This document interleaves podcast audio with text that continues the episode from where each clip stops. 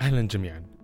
قبل لا نبدأ الحديث عن موضوع هذه الحلقة في نقطتين جدا بسيطة راح نذكرهم. أولا في بودكاست حابين نقترحه اسمه بودكاست بصراحة. كل حلقة يجيبون ضيف ويتحدثون عن مجال مختلف بصراحة وشفافية. تحدثون مع عبد الرحمن بن مالح عن المحتوى العربي والصحافة تحدثوا مع مازن ضراب عن ريادة الأعمال. راح نضع رابطهم في الأسفل. والنقطة الثانية والأخيرة هو أن في حال كنت صاحب شركة صغيرة أو متوسطة. زين تقدم لك خدمات مناسبة لك. هي تسمى باقة زين للأعمال.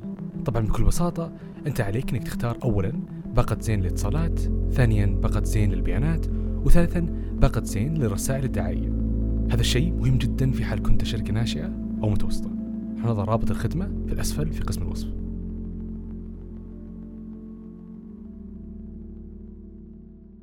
موضوع هذه الحلقة هو عن الأمن السيبراني. راح نتحدث عن مختلف النقاط. إيش هو الأمن السيبراني؟ قديش هو مهم لي كفرد أو أنه مهم فقط للشركات والجهات الحكومية؟ هل بالإمكان أنه الشخص يقوم بهجوم إلكتروني ويوقف محطة كهرباء أو حتى موية؟ هل ممكن تكون الدول تحارب نفسها بالهجمات الإلكترونية والأمن السيبراني هو الشيء اللي يردعهم؟ وغيرها الكثير من النقاط. ما راح أطول خلينا نبدأ.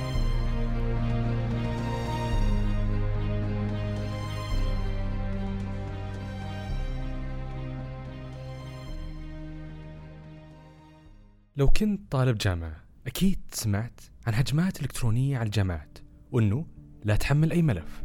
وكمان لو كنت موظف أو موظفة أكيد أرسلت لك الشركة أنه لا تضغط على روابط مشبوهة. طبعا خلالها كثر الحديث عن الأمن السيبراني. صار في حتى تخصصات في الجامعة للأمن السيبراني وهيئة وطنية كاملة ودورات وورش عمل وتدريب شامل. كلمة السيبراني بداية مأخوذة من مصطلح سايبر اللي هو اللاتيني ومعناته الفضاء المعلوماتي يعني الأمن السيبراني معناته بالحرف أمن الفضاء المعلوماتي بس هل الأمن السيبراني مهم؟ وهل حقيقي إحنا بحاجته؟ يعني بعض الدراسات تقول إنه النقص في خلال إلين 2021 راح يكون 3 مليون ونص وظيفة شاغرة في هذا المجال وخلال السنة الجاية 2019 راح يكون مليون ونص وظيفة شاغرة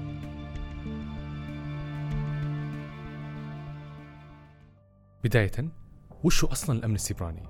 هو ببساطة الأدوات التقنية والإجراءات اللي تتبعها الدول أو حتى المنظمات الحكومية والشركات عشان تحمي البيانات اللي موجودة على شبكاتهم وحتى الكمبيوترات اللي عندهم يحمونها من أنها تخترق تتلف تتغير أو حتى حماية بياناتهم من السرقة أو تعطل الوصول لها ومع تطور التكنولوجيا وتطبيقات الذكاء الاصطناعي اللي بدأت تتزايد صار يعتبر الأمن السيبراني شيء أساسي لأمان الإلكترونيات والبرامج هذه. الأمن السبراني سلاح استراتيجي بيد الحكومات والأفراد لا سيما أن الحرب السبرانية أصبحت جزءا لا يتجزأ من الأساليب الحديثة للحروب والهجمات بين الدول وحماية مصالحها المعلوماتية الخاصة.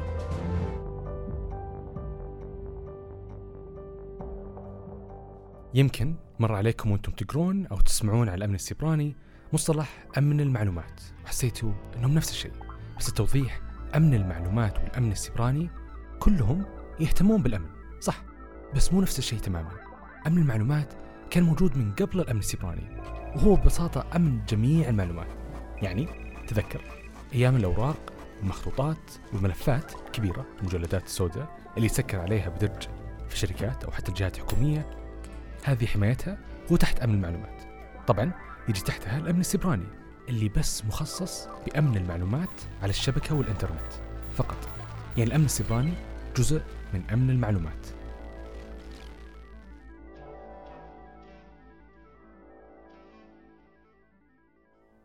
معكم فاطمة العقيل أستاذ مساعد بجامعة الملك سعود ومؤسسة ومديرة سياج لأمن المعلومات. حاصلة على درجة الدكتوراه في مجال بناء الأنظمة الآمنة من جامعة ساوثهامبتون في المملكة المتحدة وكذلك على الماجستير في علوم الحاسب من جامعة ديب هول في الولايات المتحدة الأمريكية. مجالاتي البحثية تتمحور حول استخدام الطرق الرياضية في مجالات أمن المعلومات وكذلك استخدام أساليب علوم البيانات في تحليل الهجمات. الأمن السبراني مهم للجميع. بدءا من الفرد لحماية خصوصيته ومعلوماته سواء كانت صحية أو بنكية أو غيرها من الوصول غير المصرح به وأيضا لحماية هويته الرقمية من الانتحال أو سوء الاستخدام. وتمتد أهمية الأمن السبراني للمنشآت سواء كانت شركات أو جهات حكومية لأنها تتعامل مع بيانات الأفراد بالإضافة إلى أنها تسعى للحفاظ على خصوصيتها وأسرار عملها. ومن المهم أيضا أن ندرك أن أهمية الأمن السبراني برضو تتسع لتشمل الأمن القومي. الذي يهدف لحماية ممتلكات وموارد البلد وأرواح المواطنين وكل ما يتعلق بها من أنظمة. فإذا الأمن السبراني مهم على كافة المستويات سواء كان على مستوى الفرد أو على مستوى المنشآت. صحيح أن الأمن السبراني مصطلح جديد علينا نوعا ما في الفترة هذه بس ترى في الحقيقة بدأ من قبل لا يكون عند أغلب الناس كمبيوترات تقريبا في عام 1971 اللي صار؟ هو أن بالسنة هذه بوب توماس دخل التاريخ من برنامج سواه البرنامج هذا كان يعتبر دودة الكمبيوتر الفيروسية واللي الكثير منا يعرفها الحين. الدودة هذه كانت تنتقل من كمبيوتر لكمبيوتر بس ما كانت تسوي أي ضرر. بس كان مبرمجها أنها تطلع رسالة على شاشة الجهاز المخترق وتقول أنا الدودة اللي زحفت الجهاز امسكني لو تقدر. طبعا الرسالة كانت تضحك في وقتها بس بشكل عام هذا الاكتشاف مهم جدا. مهم أن ترى في برامج ممكن تدخل على جهازك وتحط رسالة أو حتى تمسح كل ملفاتك وأنت ما في يدك أي حيلة. وهذا الشيء خلانا نعرف أن لازم في برامج ثانية تحمينا من هذا النوع من الفيروسات.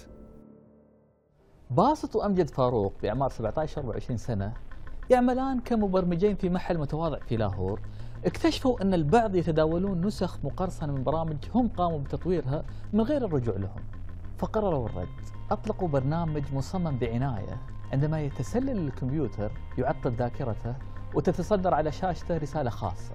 مغامرتهم حققت صيت هائل وبسببهم خرج الجني من القمقم. يقال أن أكثر من نصف كمبيوترات العالم اليوم مصابة بالفيروسات ويتم إنفاق مليارات الدولارات سنويا لمحاربة هذه التنانين الإلكترونية.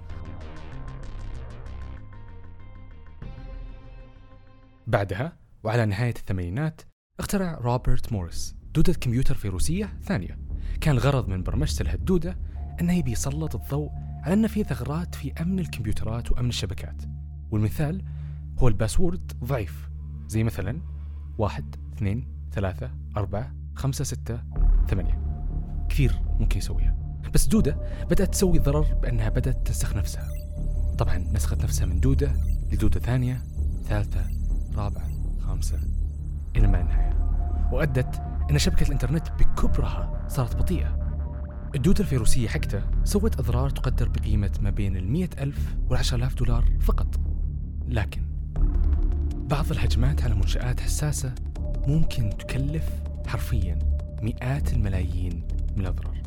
لو نتخيلوا أنه السيناريو أنه فيروس يتحكم في منشأة نووية هذا سيناريو كان كارثي. ولا الشبكات الحساسة لو لو كان يصير لها تعطيل ولو لدقائق ولو ساعات ممكن تعرض حياة البشر لخطر.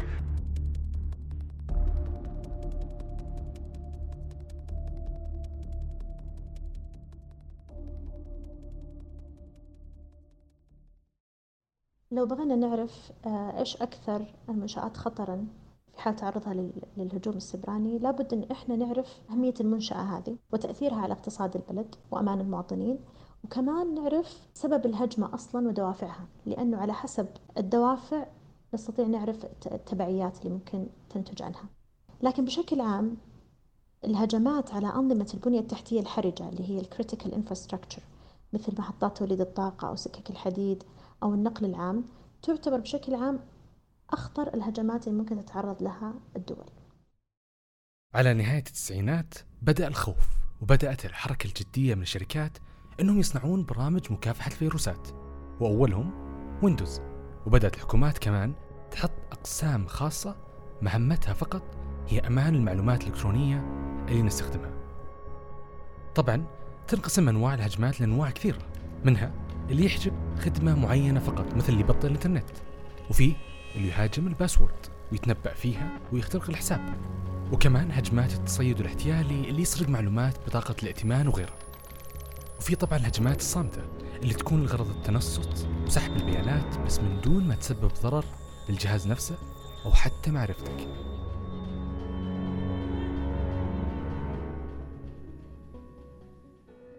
الهجمات الإلكترونية تصنف ضمن أبرز المخاطر التي تحدق بالمجتمعات إلى جانب الكوارث الطبيعية والحروب السبرانية لا تقتصر على استهداف مؤسسات الدولة لعرقلتها. المصارف وأنظمة البنية التحتية وشبكات الطاقة والزراعة والاتصالات تعمل على برمجيات عرضة للاستهداف.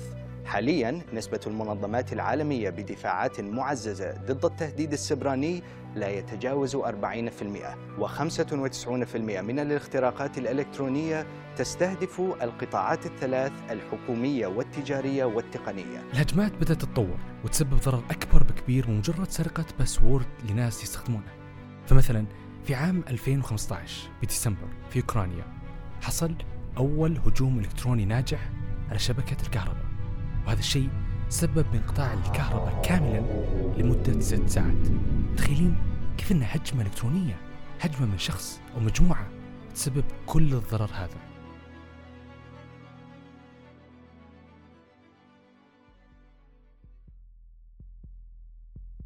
On Tuesday afternoon, our engineering team found an attack affecting up to 50 million accounts on Facebook.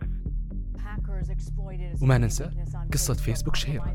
اللي بسبب ثغرة في النظام الأمني الإلكتروني عندهم قدر شخص أنه يخترق الموقع ويعرض معلومات شخصية لتقريبا 50 مليون مستخدم من الخطر والضرر ممكن يوصل أكبر من كذا ممكن حتى يتسبب بحروب بين الدول. في العام الحالي صرحت أمريكا أنها قدرت تحبط محاولات هجوم من كوريا الشمالية. هذه الهجمات كانت مصممة أنها تخترق المعلومات الإلكترونية لشركات الإعلام شركات الفضاء وشركات المالية. وكمان في نفس العام في ألمانيا. مخترقين سربوا معلومات ومحادثات شخصية ومالية لمئات السياسيين الألمان والهدف هو التخريب على أكثر من حزب سياسي.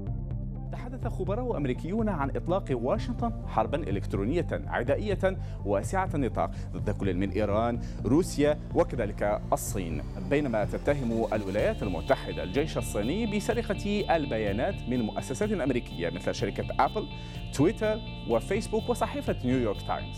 فلما نعرف أن شبكات كهرب شركات دول يتم اختراقها من حتى ممكن فرد أو مجموعة صغيرة يجيك تساؤل طب أنت؟ هل صعب أن الواحد يخترق معلوماتك؟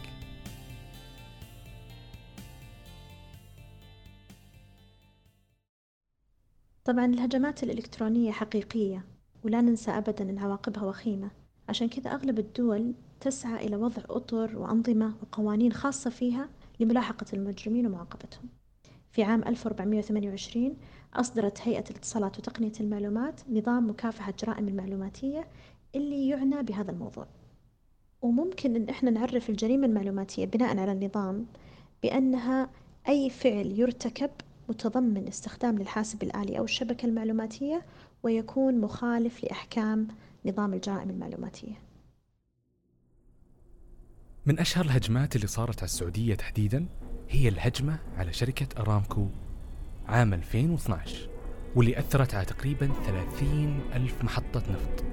هدف الهجمة كان توقيف وتعطيل تدفق النفط من محطات.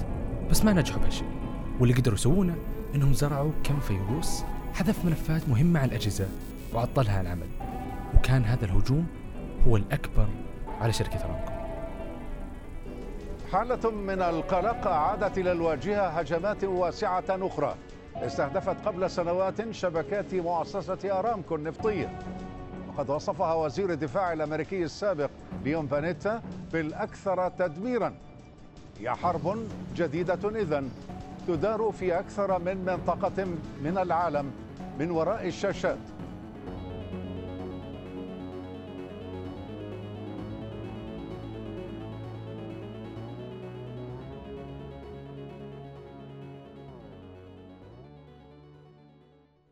الأمن السبراني في المملكة لاقى الكثير من الاهتمام.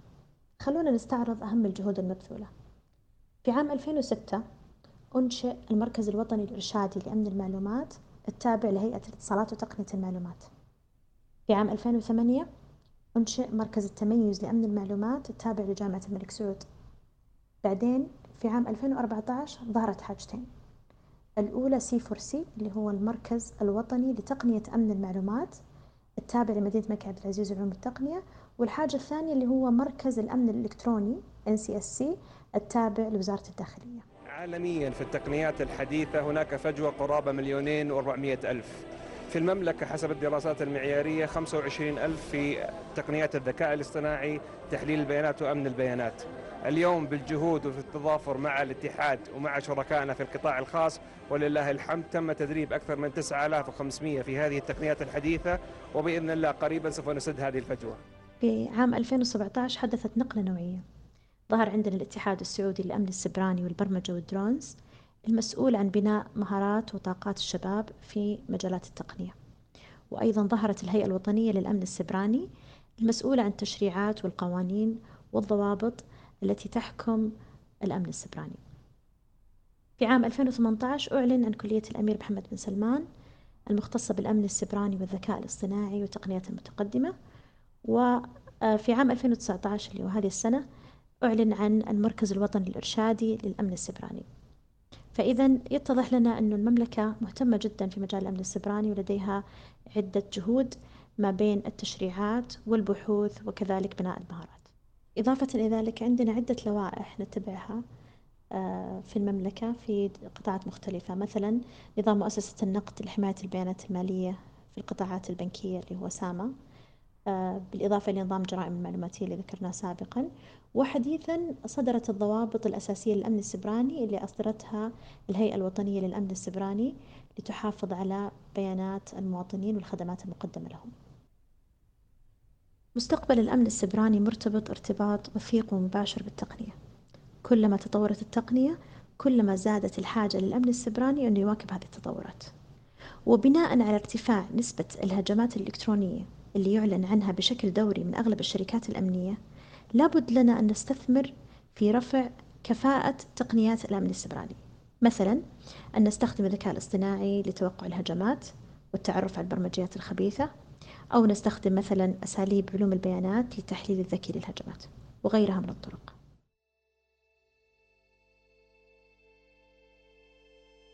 في الختام مع زيادة اعتمادنا على التكنولوجيا ومشاركتنا لخصوصيات كثيرة على الشبكة سواء على مستوى الأفراد أو الحكومات جانا الأمن السبراني والأمن السبراني هو أمن الحفاظ على المعلومات الإلكترونية من أنها تخترق أو تتلف بداية من الإيميلات اللي تفتح رابط فيها ويتهكر جهازك ونهاية بتهكير شركات الكهرب والنفط وحتى الحروب الإلكترونية اللي تصير بين الدول.